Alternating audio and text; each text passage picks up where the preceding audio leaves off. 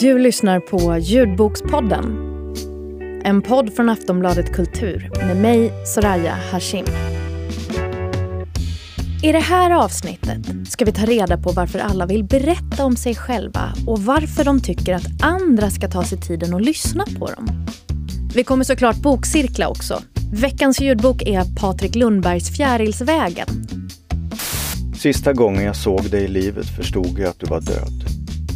Det var sommar. Jag hade kört till den lilla ort där du numera bodde.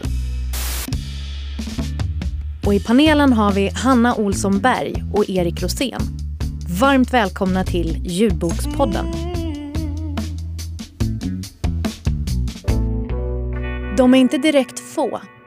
De som har skrivit sida upp och sida ner om sig själva. Om sina relationer, konflikter, sina ligg och liv. Man kan knappt spotta en loska utan att träffa en bok där någon skriver om sina samlag eller antidepp.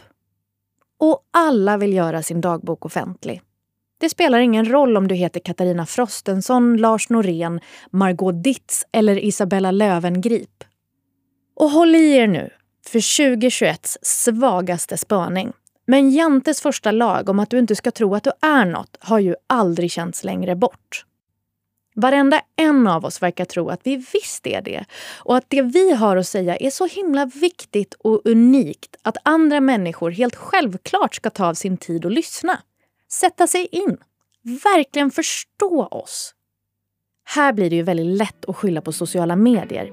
Men om vi ska vara helt ärliga, vilket jag tycker att vi ska vara i denna sal, inte behövde väl Ulf Lundell formas av några Instagram-filter och likes för att känna att det var på sin plats att börja blogga i bokform?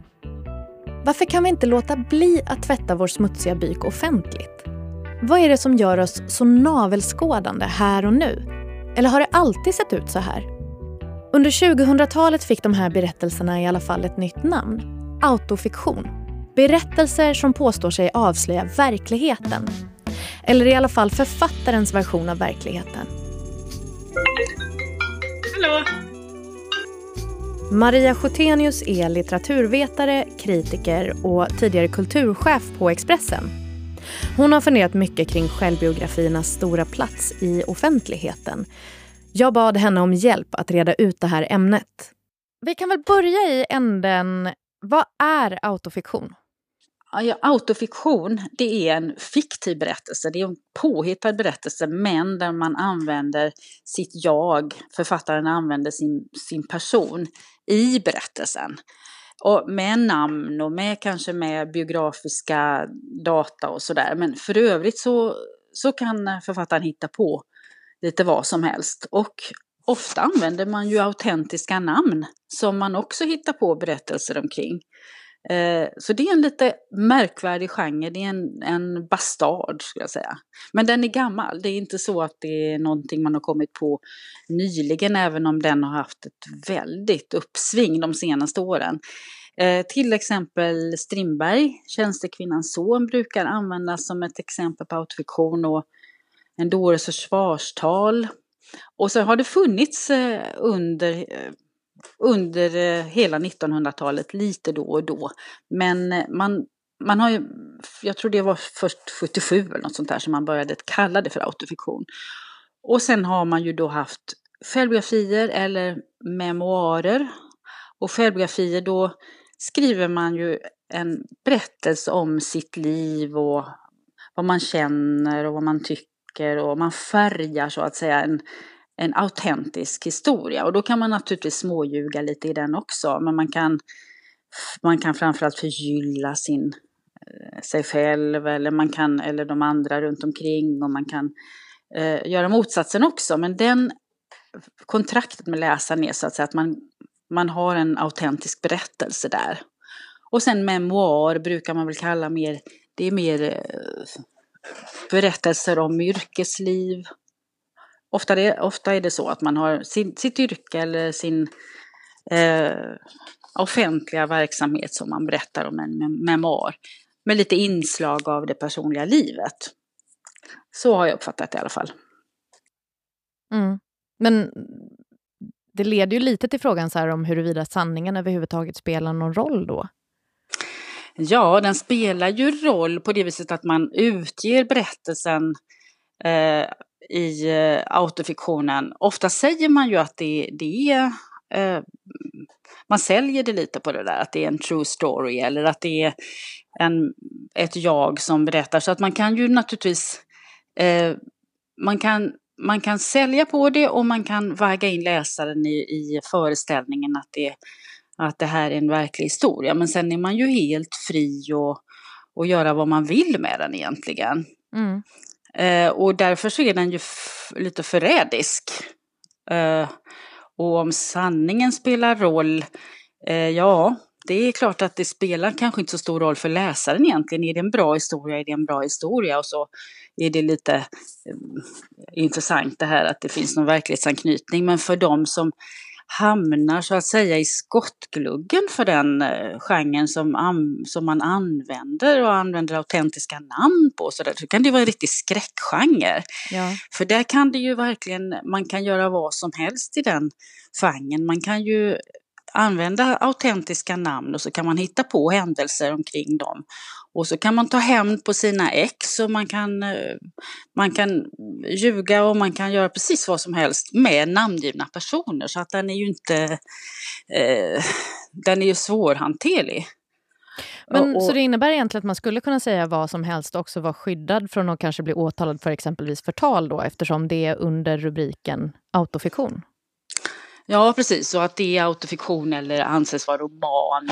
Eh, ja, absolut. För det här är ju så att i, på tidningar så har vi ju ändå en, en sorts lagstiftning som säger att man, man en chefredaktör är ansvarig utgivare för det som står. Och där kan man ju eh, om man inte håller sig till sanningen så kan man eh, åtminstone klandras av Pressens opinionsnämnd och sådär. Mm. Men när det gäller romaner och skönlitteratur så har ju inte Finns det ingen ansvarig utgivare, då är författaren ansvarig utgivare. Så att förlagens roll, det kan ju vara så att man ibland eh, sätter jurister på vissa saker och övertala författare och kanske använda andra namn än de autentiska namn som han eller hon vill använda. Men det är ju inget, det är egentligen författarens eget ansvar. Mm. Så det är stor skillnad. Visst, det här, det här, och det har ju hänt också, att man, det har hänt mig och andra jag känner att herregud, här står mitt eller hennes eller hans namn och det handlar om platser som de aldrig har varit på, och saker de aldrig har sagt och så vidare.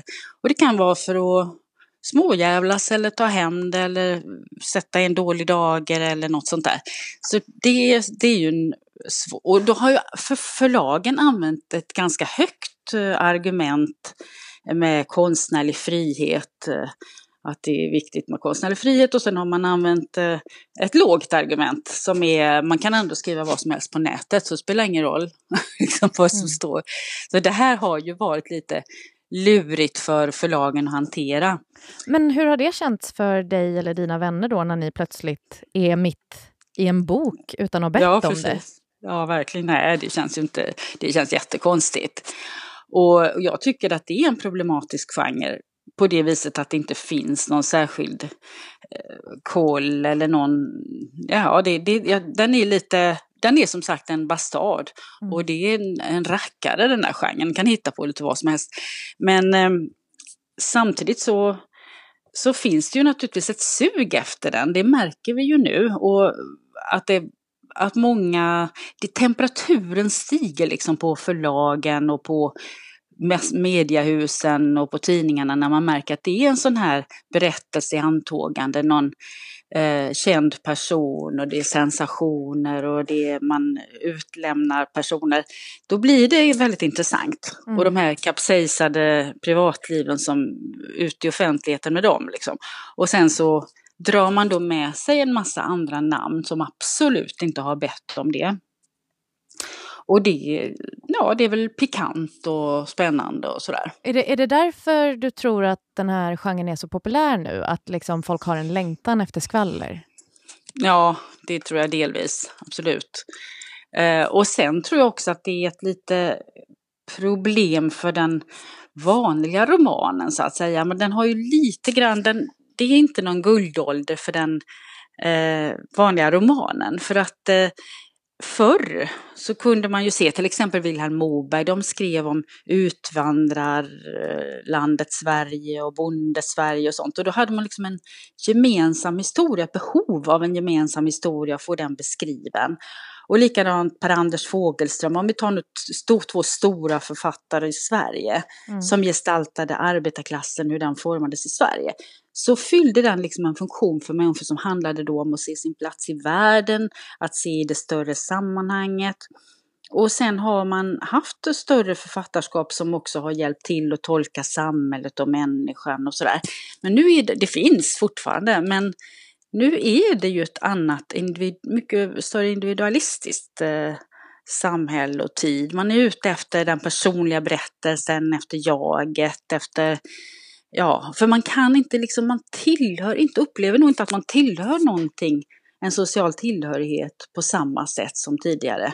Familjen och klassen och släkten och sånt där, de är inte, så på, samma, inte på samma sätt som bärande identitet eh, nu. Och politiken är liksom jätterörig och så. Och jag kan bara prata för mig och jag kan bara tänka på mig. Och vem är jag? Och då kan man ju tänka sig att man får ställföreträdande berättelser. Att jag, ja, jag är en fru som har blivit en bitterfitta eller jag har en älskarinna som har blivit en hagga eller en åldrande kvinna som har blivit en nucka och då sådär. Mm. Och då vill man liksom, ja, mitt sammanhang finns i min egen kropp. Och jag vill läsa om böcker hur det kan hända då, vad som sker om man inte riktigt, om man inte passar sig. Mm. Så där tror jag att en del av förklaringen ligger att det att vi uppfattar oss som individer mycket mer än att dela i ett sammanhang eller sam samhälle. Men, men vad gör det med oss? Alltså oss som människor, om, om ingen liksom berättar de här andra större historierna och ingen vill läsa dem utan alla är liksom helt mm. nedgrottade i jaget. Ja, precis. Ja, det kan man ju faktiskt fråga sig. Sen måste man ju säga att det finns, jag tänker på samerna till exempel, som nu, nu börjar det komma eh, berättelser eh, från den samiska, eh, de sammanhangen och de förändringarna som har skett. Eh, och det, där kan vi ju se ett sånt, hur, hur, hur, spännande det är för väldigt många människor att se både konstnärer och eh, musiker och författare som gestaltar detta. Där har vi en sån sak som man kunde se, som Per-Anders Fogelström gjorde på med arbetarklassen i Stockholm till exempel. Mm. Men visst, det är ett individualistiskt samhälle. Och det där, den där, vi har den litteratur vi, som speglar det tror jag helt enkelt. Och sen kan man ju fundera på vad som händer med den sen, om det kommer att finnas andra större samhällen och tillhörigheter så småningom. Jag tänker också att den här pandemin kanske genererar någonting, klimatförändringarna, invandringen, migration. Det, det har vi också sett en del tecken på att det finns liksom lite större sammanhang än jaget som man, som man kan gestalta. Ja. Men finns det någonting du tycker om i de här berättelserna? Ja, men så, det är så här att allt, det som är bra, det är bra. Vad är jag, bra då? Vad, finns, finns det någon bok du gillar, ja. någon autofiktiv bok som du faktiskt tycker om och skulle rekommendera? Alltså jag, är alltid, jag är svag för de här eh, vilda, galna böckerna som Åse Berg skriver. Hon, både om den här Haggan och, och nu en, en, eh, vad kallade hon, liten fittas, uppblåst fittas memoarer. Just. Mm. Eh, väldigt vildsint och där, där går hon liksom över precis alla gränser. I den första boken så hade hon inte autentiska namn, det, det har hon i, den, i nästa tror jag. Men eh, ja, det handlar ju om språk väldigt mycket och, och frenesi, det är ju någon sorts frenesi i detta. Men så jag, det är inte så egentligen att jag är emot en genre eller för en annan genre. Jag försöker bara analysera det. Jag kan tycka att man, om man nu har behov av att ge sig på någon människa eller hem, det är en väldigt hämningslös genre, mm. eh, autofiktionen. Om man vill göra sig, uppmärksamma sig eller uppmärksamma andra på Eh, på egna missförhållanden eller någonting sånt där så har man ju fri tillgång till att göra egentligen vad som helst med andras namn och det kan jag tycka, är, det kan jag tycka faktiskt är problematiskt. Mm. Men, men om du tänker på de här Åsa Berg-böckerna då, där den ena så mm. har hon inte Ja. autentiska namn, men i den andra har hon det. Ja. Tycker du det tillförde någonting till läsningen i den andra boken då? Att hon hade autentiska namn? Ja, det är klart det ger en viss, eh, om man känner igen dem där, vilket jag väl gör då, så, känner, så, så blir det en igenkänning och man nickar eller skakar på huvudet eller något. Men det är klart att det gör av skvaller och sensationslystnad.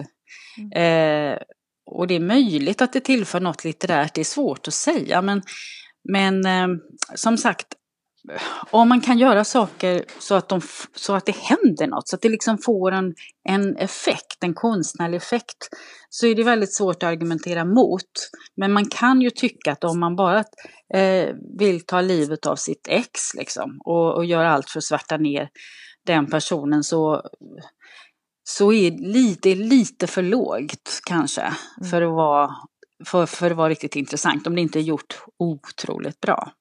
Vad, vad tänker du är autofiktionens plats i framtiden då? Kommer läsarna och författarna tröttna på det här greppet? Ja, ja det, är möj- alltså det är möjligt att den kommer bli en, få en plats bland andra genrer. Att den inte blir så dominerande som den har varit nu. Det kan jag tänka mig. Den kommer liksom att finnas, absolut. Men, men just nu har det ju varit, den var ju var explosionsartat. Och, ehm, så den kommer nog finna sin plats bland andra genrer, det tror jag. Stort tack till Maria Schotenius som redde ut det här med autofiktion åt oss. Nu är det dags att gå vidare i programmet där vi kommer bokcirkla om en av de mest omtalade böckerna i den autofiktiva genren den senaste tiden. Även om författaren i det här fallet faktiskt har kallat sin bok för en roman. Och den här gången så har jag med mig Aftonbladets breakingchef Hanna Olsson Berg och biträdande redaktör Erik Rosén. Välkomna! Tack så hemskt mycket. Tack. Den här veckan så har vi lyssnat på Patrik Lundbergs Fjärilsvägen. Men innan vi kör igång så ska vi lyssna lite på en faktaruta. Journalisten och författaren Patrik Lundberg föddes 1983. Han har varit krönikör i både Aftonbladet och Expressen och blev 2019 nominerad till Stora Journalistpriset i kategorin Årets röst. Nu jobbar han på Dagens Nyheter och har i ett team med tidningens undersökande reporter Josefin Sköld skrivit en serie reportage om internationella adoptioner. Fjärilsvägen är Patrik Lundbergs femte bok och handlar om hans mamma, Birgitta. En historia han tidigare berättat om i ett sommarprat. När barnens pappa träffar en annan och plötsligt försvinner ur bilden förändras mammans och barnens liv totalt. Plötsligt ska Birgitta klara sig på bara en inkomst och för varje årtionde blir det allt tuffare. Det är en historia om sjukskrivningar, fysisk och psykisk ohälsa, klassamhällets obarmhärtiga mekanismer och de politiska beslut som förändrade hans mammas liv. Fjärilsvägen är 4 timmar och 49 minuter lång och inläsare är skådespelaren Martin Wallström. Den som inte har läst Fjärilsvägen men ändå känner igen det här med Patrik Lundbergs mamma som tema kan ju ha hört hans sommarprat från förra året som också handlade om henne. Och jag vet att eh, Hanna, du hade lyssnat på hela, Erik, du hade lyssnat på delar av sommarpratet. Eh, och ni har lyssnat på boken. Tycker ni att de kompletterar varandra eller känns det som upprepning? Jag tycker att man känner ju igen eh, storyn väldigt väl från sommarpratet och också från en eh, krönika som han skrev om sin mamma. Eh, och hela den, ja, hela den eh, aspekten av att koppla ihop liksom, politik och samhälle och den tiden med hennes öde och med sitt eget öde. Men det är väl egentligen en utvikning av sommarpratet som är boken. Ja, precis. Och jag tycker att det, det, hänger ihop väldigt tydligt. Sommarpratet, den här eh, texten i Expressen som väl var liksom lite av en anklagelseakt där han utgår från sin mammas liv och sen boken. Det känns väldigt, de, de spelar mot varandra väldigt mycket. Mm. Vad tyckte ni överlag om boken? Jag tycker att det är en eh, tydlig, liksom, en, en tydlig berättelse om en ganska långsam klassresa neråt som han hela tiden förankrar i dagspolitiken och han är väldigt noga med att eh, knyta upp det till specifika politiska förändringar och eh, statsministerbyten och valresultat. Och det, så att han har hela tiden den här viljan att knyta an hennes öde med det som händer i samhället i stort. Mm. Och det tycker jag att han, han gör väldigt effektivt. Det är en väldigt sorglig bok tycker jag också. Alltså rent mänskligt handlar den ju mycket om relationen mellan föräldrar och barn, som är, är verkligen inte är någon lätt relation. Nej. Och inte i det här fallet heller. Jag tycker att det är väldigt drabbande när Patrik börjar eh, bli den här journalisten som han ska bli och hans mamma bara må, mår sämre och sämre. Och han inser liksom att nu, nu håller vi på att växa ifrån varandra. Han får ett feministiskt uppvaknande och han börjar predika för henne om vad det innebär att vara kvinna och hon vet allt om nackdelarna med att vara kvinna till exempel. Eh, den klyftan tycker jag också, den är väldigt sorglig och den är väldigt så här, bra berättad Mm. också och drabbande. Var, var det det som berörde dig mest i boken? Det här avståndet mellan Patrik och hans Ja, mamma? jag tycker det. Jag tycker det var starkast och det kanske är för att jag är fortfarande mer ett barn än en förälder, men jag tycker den, eh, den relationen mellan dem är väldigt gripande och de här breven hon skriver till sina barn när de börjar ta sig ut i världen, det, det är liksom mitt, eh, då, då vill jag börja gråta alltså. Ja. Mm, nej, jag, jag håller verkligen med och jag tycker att just den delen i hur, vad, vad klassresan gör med relationen till det man kom ifrån är väldigt, väldigt väl skildrat och alla som har liksom varit i den processen vet att när man då kanske uppfyller delar av det som ens föräldrar har drömt om åt en, då ökar också avståndet till föräldern. Och det finns en, en otrolig sorg i det tror jag hos alla som har liksom gjort den resan. Verkligen. Och jag tycker också eh, den här skulden som finns med hela tiden gentemot hans mamma. Hur hon, han hinner aldrig höra av sig till henne för han är så upptagen och hon fortsätter skriva hur mycket hon älskar honom och hur stolt hon är över honom. Och hon är, Mm. blir liksom bara som en röst i bakgrunden på något sätt som försvinner allt mer. Och det, det tyckte jag var tuffast nästan, hur, hur liten hon blev. Liksom. Eh, var, var det någonting i boken som ni tyckte kändes överflödigt? Om jag, om jag skulle säga någonting som jag tycker, det, det finns en väldigt tydlig poäng med hur han eh, kopplar det materiella i sitt fotbollsspelande och vilka fotbollsskor, vem man var i laget och eh, de rollerna. Det, det finns en poäng, men jag tyckte att fotbollen tar för mycket plats. Hans liksom aspirerande eh, karriär som inte blir en karriär. Mm. Den hade man kunnat tona ner lite grann. Mm. Du då Hanna, om du hade varit redaktör för boken? Oj, vad svårt. Nej, men det är väl, eh, det är vissa saker som är lite överberättade. Det kanske är fotbollen, det kanske är, det är väldigt mycket om drömmen att bli journalist och det, det, det fattar man liksom ganska, man behöver inte höra allting om eh, BLT och sydöstra, nej jag vet inte. Jag är ändå specialintresserad av journalistik, men, Mm. men det, är, det är också en hel del. Eh, alltså han trycker ju in saker väldigt, väldigt noga, kan man Mm. säga. Men det finns också, måste jag också säga, till, till den delen av historiens försvar, det finns ju en poäng med att han beskriver massor av olika saker eh, som då går väl för honom eller där han får materiella saker, för att han återknyter till det i slutet och just säger att det går att hitta bevis hela vägen tillbaka i min barndom, där mina föräldrar eller min mamma kunde ha gjort andra val och fått ett annat resultat. Och det tycker jag är en otroligt liksom, viktig poäng. Jag tänker på jag minns själv när Uppdrag granskning gjorde det här reportaget eh, om barnfattigdom och liksom konfronterade en mamma för alltså, men du röker ju.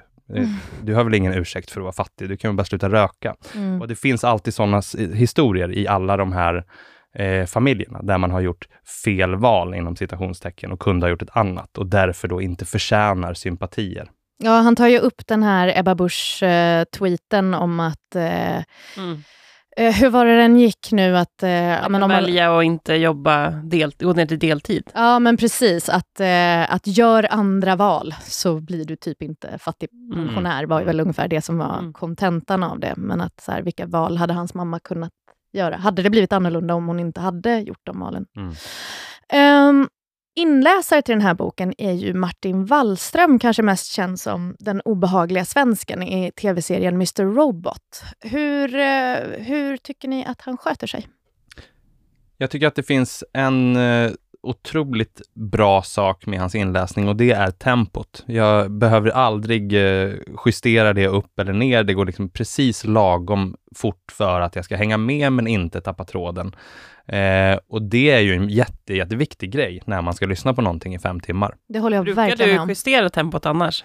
Ja, vi eh, pratade förra gången jag var med i den här podden om Erik Engelvs bok där jag fick justera tempot uppåt för att den Mm. lästes in väldigt, Långsamt. väldigt långsamt. Eh, Hanna, apropå det här med Martin Wallström så, och hur han läser in, du har ju med dig ett klipp. Precis. Vi kan väl... eh, Det kommer illustrera vad, vad jag känner inför inläsningen. Då lyssnar vi på det. Arvingarna vann Melodifestivalen med Eloise och i glädjeruset efteråt tog de mig till hårsalongen. Tillsammans bad vi frisörskan att ge mig samma vattenkammade lugg som Lasseman. Därefter hade vi inte råd med fräcka frisyrer. Du kom snart att klippa Paula och mig framför halsspegeln precis som du friserade mormor och morfar. För just i de dagarna kom jag hem från skolan, öppnade dörren och mötte dig och Paula i hallen. Ni stod där, tysta. Efter en stund sa du, vi har gråtit idag.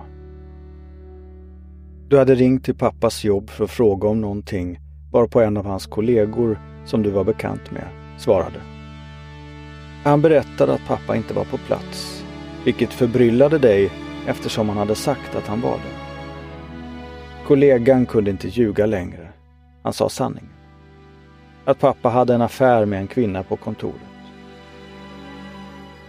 Vad, vad var det du tänkte på kring Martin Wallströms inläsning här? Men jag tycker att den är lite för odynamisk hela tiden. Jag saknar liksom eh, värme i rösten när, när det krävs. Jag saknar, jag hör ingenting av Patrik Lundbergs humor som ändå finns med här i den här boken ganska mycket. Eh, alltså jag, den här Lasseman-luggen, är, det är ju liksom så här kul detaljer. Mm. Och allting är läst med ett sånt gravallvar så att man Eh, alla meningar går liksom ner på slutet. Vill ha samma lugg som Lasseman. Alltså det, det är liksom... Jag saknar dynamiken. Alltså så här, den här superdramatiken med att pappan är eh, han lämnar familjen nu.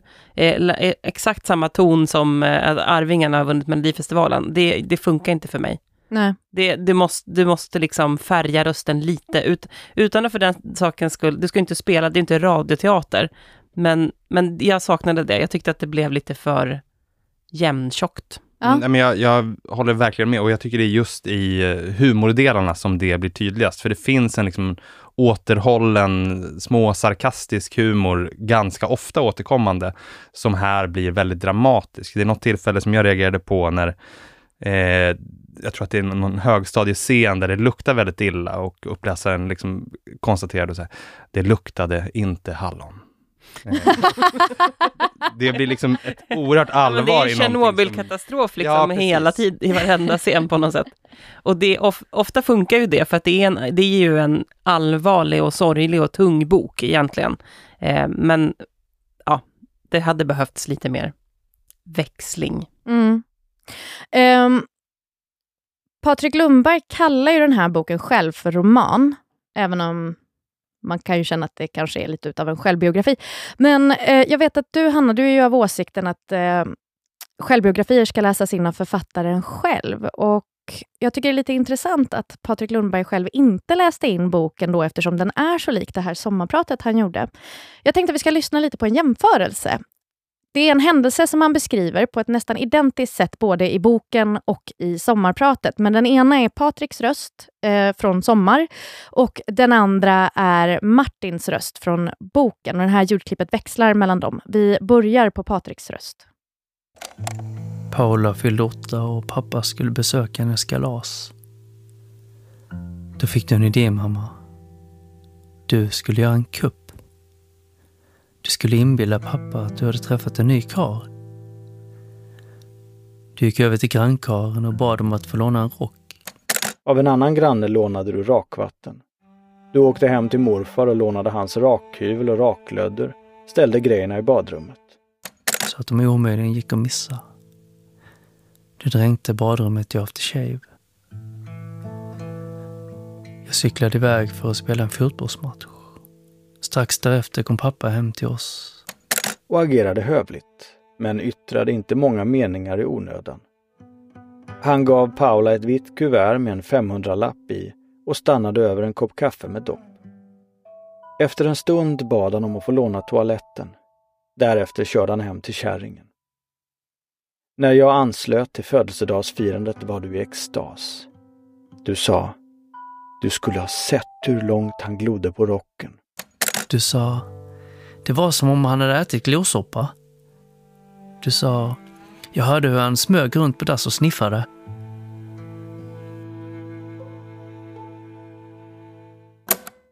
Vad känner ni? Jag känner att eh, jag tycker att det, alltså, det finns ju någonting i sommarpratet som är otroligt laddat, förtätat, liksom nära och dramatiskt. Men jag tycker också att det finns en jättepoäng med att inläsaren har liksom en mer distanserad läsning. Det gör det lättare för mig att själv bygga bilderna i huvudet som, jag, som när jag läser en bok. Eh, så jag är kluven. Jag tycker ju också, i, min grundinställning är nog självbiografi eller självbiografisk roman, författaren ska läsa en själv. Men jag tycker också det finns, jag tycker det är jättebra exempel här, eh, när man klipper ihop det, vad som är styrkorna i respektive del. Mm. Det kanske hade blivit för intensivt om det hade varit Patrik Lundberg i, i liksom 4.40. I det här lugna... I det här liksom poetiska sättet som han eh, gör sitt sommarprat, för där kan man ju unna sig att vara väldigt poetisk i, i liksom sin läsning. Och det hade kanske blivit för mycket. Mm, jag tror det. Det är ju också så här, det som lite var styrkan i hans sommarprat var ju att den skiljer sig så himla mycket från andra sommarprat. Mm. Det är ju inget annat sommarprat som låter på det sättet. Det här dramatiska, lugna, nästan viskande. Det blev så himla nära. Liksom. Så låter ju inte sommarprat generellt. Men eh, jag ringde faktiskt upp Patrik mm. för att fråga hur det kommer sig att han inte läste in boken själv. Jag tänker att jag eh, är hyfsad på att skriva böcker, men jag är inte något proffs på att läsa in. Det hör ni ju själva, att jag, jag låter ju liksom full när jag är nykter. Så jag ville låta ett proffs läsa in det och jag visste att eh, Martin Wallström är en väldigt bra inläsare. Så jag frågade honom och han sa ja. Jag valde Martin Wallström eh, särskilt eftersom han är från Uddevalla. Det är ju inte Blekinge, men han är i alla fall ingen 08. Det hade varit konstigt om en stockholmare hade läst in eh, Fjärilsvägen. Tycker ni det hörs på inläsningen att han inte är 08? Han säger inte mormor och morfar i alla fall. Det tänkte jag på. Säger han mormor? Nej. Han säger mormor och morfar. Mm. Nej, jag tänkte nog inte på eh, det alls. Jag, å andra sidan, jag tänkte inte heller på att det var någon slags utpräglad Stockholmsdialekt, utan men det, det känns som en väldigt neutral läsning på mm. det sättet. Erik, du har också med dig ett klipp. Det har jag och det är där jag, här tycker jag att det dels är, är en, en scen som jag tycker är stark rent innehållsmässigt för att det är jag, jag tycker det är en, en, det är en väldigt bra illustration av hur liksom, hotet om fattigdom slår mot den, även om man inte är på, i absoluta rännstenen, utan att det liksom blir ett fysiskt hot mot den. Och sen tycker jag också i den här delen att uppläsaren gör det här väldigt bra. Här tycker jag att han är väldigt i balans med texten. Varje extra utgift föranledde ett sammanbrott. När min vinterjacka gick sönder, vid högtider, när Paula växte ur både sina och dina kläder. Sammanbrottet skedde om kvällarna och startskottet kunde vara något så simpelt som att vi var oense om någonting annat högst oväsentligt. Du började gråta, gick ut i natten och kom inte hem på flera timmar. Paula ringde till BRIS igen och talade ut. Jag satt på mitt rum och funderade på vad det innebar att vara karn i huset. Emellanåt när jag inte var hemma undervisade du Paula om konsten att vara kvinna. Du sa, gör dig aldrig beroende av en man. Du sa, skaffa dig en egen ekonomi. Du sa, bli aldrig som jag. Vad känner du här? Jag känner att eh, det här är liksom skiftet där hon eh, börjar se framför sig att det rasar samman och att hon inte har någon riktig grund att stå på. Eh, Patriks mamma. Mm. Eh, och här blir det väldigt tydligt att eh, allt kan snabbt förloras och då försöker hon liksom förmedla det till sin dotter som eh, ringer BRIS. Och det här är ju i ett skede där det precis har kommit liksom, de första räkningarna från Kronofogden. Så det är liksom, de har huset, de har bilen. Det är inte så att de står på bar backe. Men det är så otroligt tydligt att nu, nu, nu funkar inte det här längre. Nu kommer, nu kommer det börja resan neråt. Mm. Vad, det, klasstemat är ju oerhört tydligt i den här boken. Hur upplever ni hans skildring av det? Jag måste säga att eh, skildringen av, jag är ett par år äldre eh, än Patrik, men skildringen av att växa upp i en mindre stad på 90-talet med rasismen, med skinnskallarna, med supandet, med allt som han beskriver är så oerhört, oerhört överlappande mina egna erfarenheter, så att det nästan är liksom slående. Så att det är en Jag känner väldigt... igen dem där tycker jag. Alltså det, allt som händer i omklädningsrummen och Mm, det är ju liksom, det är bilder som man känner igen. verkligen. Det är också någonstans viktigt att det skrivs så tydligt, för det blir, det är ändå liksom en, en eh, man fångar en tid, man fångar 90-talet som sen leder in i 90-talskrisen och, och dokumenterar det i den här boken och i andra böcker. Och det tror jag är rätt viktigt för att 2000-talet eller 2010-talet, de historierna kommer inte se likadana ut. Nej. Det är Jag tidsdokument. mm. då.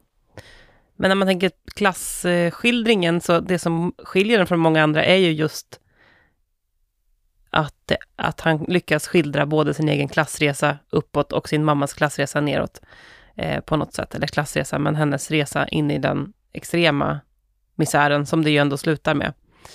Spoiler. Men, nej, men det, det går inte bra och det är ju det som gör den speciell tycker jag. Mm. Skulle ni rekommendera den här lyssningen och till vem i så fall?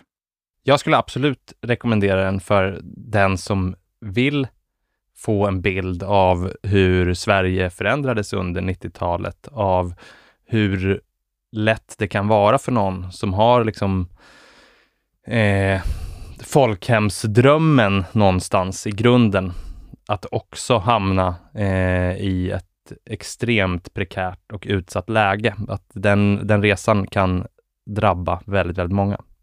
Och till den som behöver gråta en skvätt. Mm. Jag skulle också vilja rekommendera den till den som vill kanske förstå hur det känns att växa upp med fattigdom, liksom. eller i fattigdom.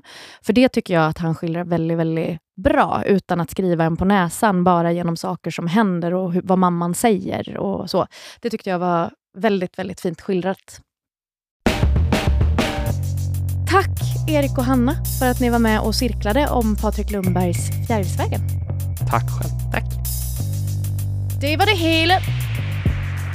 Ljudbokspodden är slut för den här gången. Vi som har gjort programmet är producent Martin Ågård. Panelen bestod av Hanna Olsson Berg och Erik Rosén. Och jag heter Soraya Hashim. Ljudbokspodden är en produktion från Aftonbladet Kultur. Vi hörs snart igen. Du har lyssnat på en podcast från Aftonbladet. Ansvarig utgivare är Lena K Samuelsson.